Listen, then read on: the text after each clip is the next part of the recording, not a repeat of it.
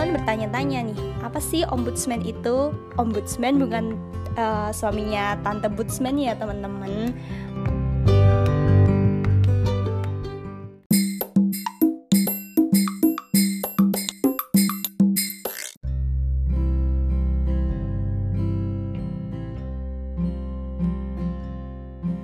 Halo teman-teman semua, kembali lagi dengan aku Fitri Aisal Sabila.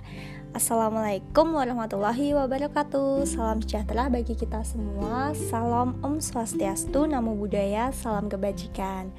Nah, gimana nih teman-teman kabarnya? Semoga tetap dalam keadaan sehat walafiat, uh, tetap semangat menjalani keseharian, makan makanan bergizi dan juga sering-sering olahraga ya teman-teman. Pokoknya semangat selalu buat kalian semua. Uh, Oke, okay, jadi kemarin kita udah sempat bahas terkait dengan birokrasi, parpol, uh, HAM. Nah, saat ini kita akan bahas lembaga sampiran. Pasti teman-teman udah nggak asing dong dengan Komnas HAM, Komnas Anak, terus KPK. Nah, tapi saat ini kita akan bahas yang sedikit berbeda, yaitu ombudsman. Nah, pasti teman-teman bertanya-tanya nih, apa sih ombudsman itu? Ombudsman bukan uh, suaminya tante Budsman ya, teman-teman. Oke, jadi uh, mengingat bahwa penyelenggaraan pemerintahan era Orde Baru itu kerap dilingkupi dengan praktik maladministrasi, maka diperlukan reformasi birokrasi yang bersih, transparan, efektif, dan efisien. Seiring dengan bergulirnya era Orde Baru nih, kehadiran lembaga sampiran negara itu bagaikan jamur di musim penghujan demi mendukung agenda reformasi tersebut. Nah, salah satu lembaga pendukung reformasi tersebut ya Ombudsman ini yang dibentuk untuk membantu mengatasi kekecewaan dan ketidakpercayaan publik terhadap pelayanan birokrasi yang ada. Nah, dalam Undang-Undang Nomor 37 Tahun 2008 tentang Ombudsman Republik Indonesia dijelaskan bahwa sebelum adanya Komisi Ombudsman Nasional, pengaduan pelayanan publik itu hanya disampaikan kepada instansi yang dilaporkan saja. Nah, Lain itu, upaya penyelesaian pengaduannya pun dilakukan dengan mengajukan gugatan melalui pengadilan yang uh, butuh waktu lama dan juga biaya yang tidak sedikit, teman-teman. Berdasarkan fakta tersebut, akhirnya dibentuklah ombudsman yang bebas dari campur tangan kekuasaan lain untuk menanggapi aduan pelayanan publik dengan mudah dan tanpa memungut biaya.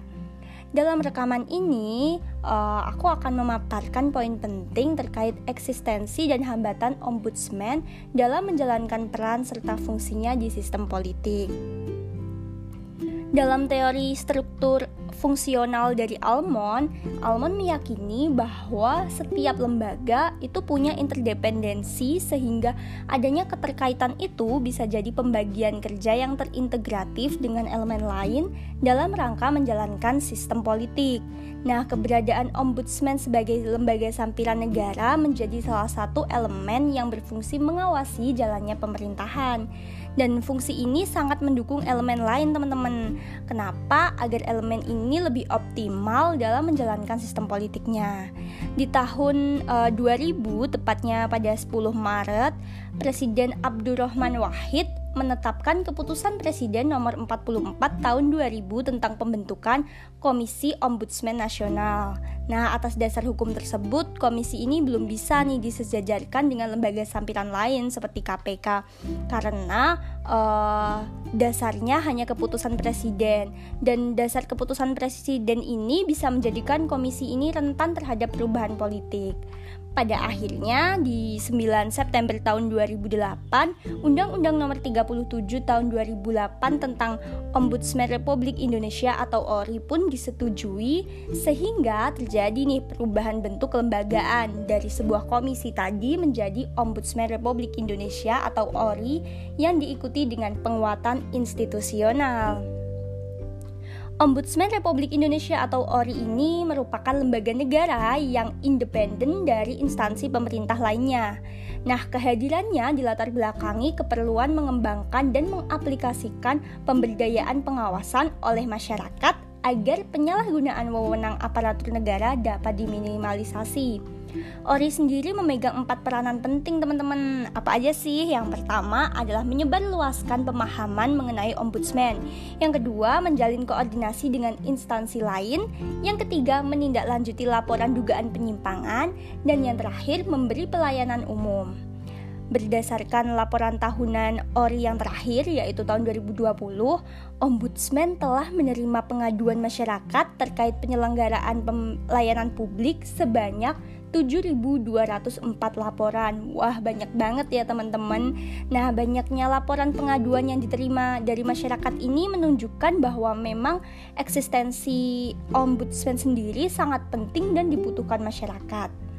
Ori sendiri menyampaikan aspirasi, tuntutan, bahkan kritik dari masyarakat pelapor kepada pihak dalam bentuk rekomendasi yang menjadi sebuah input agar sistem politik yang ada menghasilkan output yang lebih maksimal atau lebih optimal. Tapi teman-teman, hambatan juga turut mengiringi peranannya yang penting. Karena apa? Karena kekuatan produk yang dihasilkan hanya sampai pada tahap rekomendasi atas hasil investigasi semata. Bahkan uh, Menteri Koordinator Bidang Politik, Hukum, dan Keamanan mengatakan bahwa dari 7.204 laporan dan 5.538 konsultasi non laporan yang diterima oleh Ombudsman hanya sebanyak uh, eh, 4.103 laporan saja yang terselesaikan. Artinya apa? Artinya uh, bahwa masih banyak rekomendasi Ombudsman yang belum dijalankan oleh pemerintah seperti yang disampaikan oleh ahli hukum Belgia yaitu Andre Molior bahwa rekomendasi ombudsman ini tidak mempunyai kekuatan mengikat. Sehingga apa? Sehingga secara hukum lembaga ini hanya sebatas mahkamah pemberi pengaruh saja bukan mahkamah pemberi sanksi Uh, dengan demikian, eksistensinya sangat bergantung pada kemampuannya melakukan persuasi dan juga bobot rekomendasi yang diberikan, sehingga bisa dikatakan kekuatan ORI ini masih sangat lemah, teman-teman. Ombudsman sendiri akan memberikan rekomendasi kepada terlapor setelah melakukan investigasi dan mendapat bukti yang valid. Nah, dikutip dari Undang-Undang Nomor 37 Tahun 2008, pasal 37 ayat 2 tentang Ombudsman Republik Indonesia bahwa rekomendasi sekurang-kurangnya memuat uraian singkat tentang laporan, hasil penyelidikan, unsur maladministrasi yang terjadi dan juga kesimpulan atau saran mengenai hal-hal yang harus diperbaiki oleh instansi terlapor. Nah, terlapor wajib menyampaikan laporan kepada ombudsman tentang pelaksanaan rekomendasi yang telah diberikan uh, itu selambat-lambatnya 60 hari terhitung sejak rekomendasi diterima. Apabila rekomendasi tadi tidak dijalankan, maka ombudsman bisa nih mempublikasikan pihak terlapor serta menyampaikan laporan kepada DPR dan presiden. Selain itu, terlapor dan atasan terlapor yang tidak menjalankan rekomendasi ombudsman akan dikenai sanksi administrasi. Namun, ketidakjelasan sanksi administrasi yang diberikan mengakibatkan rendahnya kesadaran aparat instansi penyelenggara negara terlapor dalam menaati rekomendasi tersebut. Di samping itu, ombudsman juga bukan lembaga eksekutor dari pelaksanaan rekomendasi yang dikeluarkan karena tidak memiliki wewenang menuntut maupun menjatuhkan sanksi kepada instansi yang dilaporkan. Nah, teman-teman, hal ini mengakibatkan eksistensinya sangat lemah di mata masyarakat. Uh, Ombudsman sebagai lembaga produk reformasi Oh, maaf ya, ada suara motor. Oke, aku ulang ya. Ombudsman sebagai lembaga produk reformasi sangat berperan dalam mengawasi penyelenggaraan negara melalui laporan pengawasan masyarakat banyak sekali uh, laporan yang diterima ombudsman ini menunjukkan bahwa memang eksistensinya sangat penting dalam sistem politik. Rekomendasi ombudsman uh, sebagai respon dari pengaduan masyarakat merupakan sebuah input yang akan diproses agar sistem politik bisa lebih optimal, bisa lebih maksimal dan juga memuaskan masyarakat. Tetapi kembali lagi bahwa wewenangnya yang hanya sebatas meminta klarifikasi dan memberi rekomendasi kepada instansi terlapor menjadi hambatan dalam memaksimalkan peran. Artinya bahwa ombudsman tidak memiliki daya paksa yang kuat terhadap mereka yang tidak menjalankan rekomendasi. Dengan demikian, eksistensi ORI lambat laun bisa saja menurun bila masyarakat mulai putus asa dengan terbatasnya wewenang lembaga.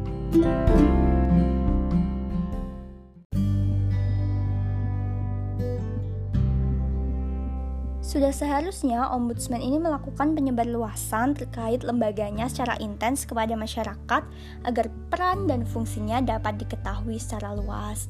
Selain itu, akan lebih baik apabila aturan terkait sanksi yang akan diberikan kepada terlapor yang tidak menjalankan rekomendasi juga dibuat lebih tegas dan lebih jelas.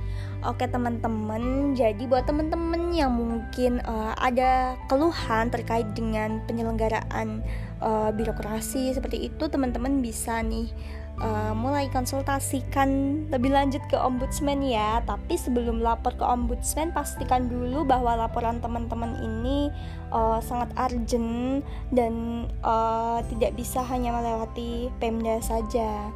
Oke teman-teman, sekian pemaparan dari aku. Semoga bisa memberikan gambaran buat teman-teman terkait ombudsman sendiri. Uh, apabila ada kritik, juga aku sangat menerima itu. Terima kasih banyak. Tetap sehat selalu dan jaga semangat. Semangat teman-teman. Wassalamualaikum warahmatullahi wabarakatuh.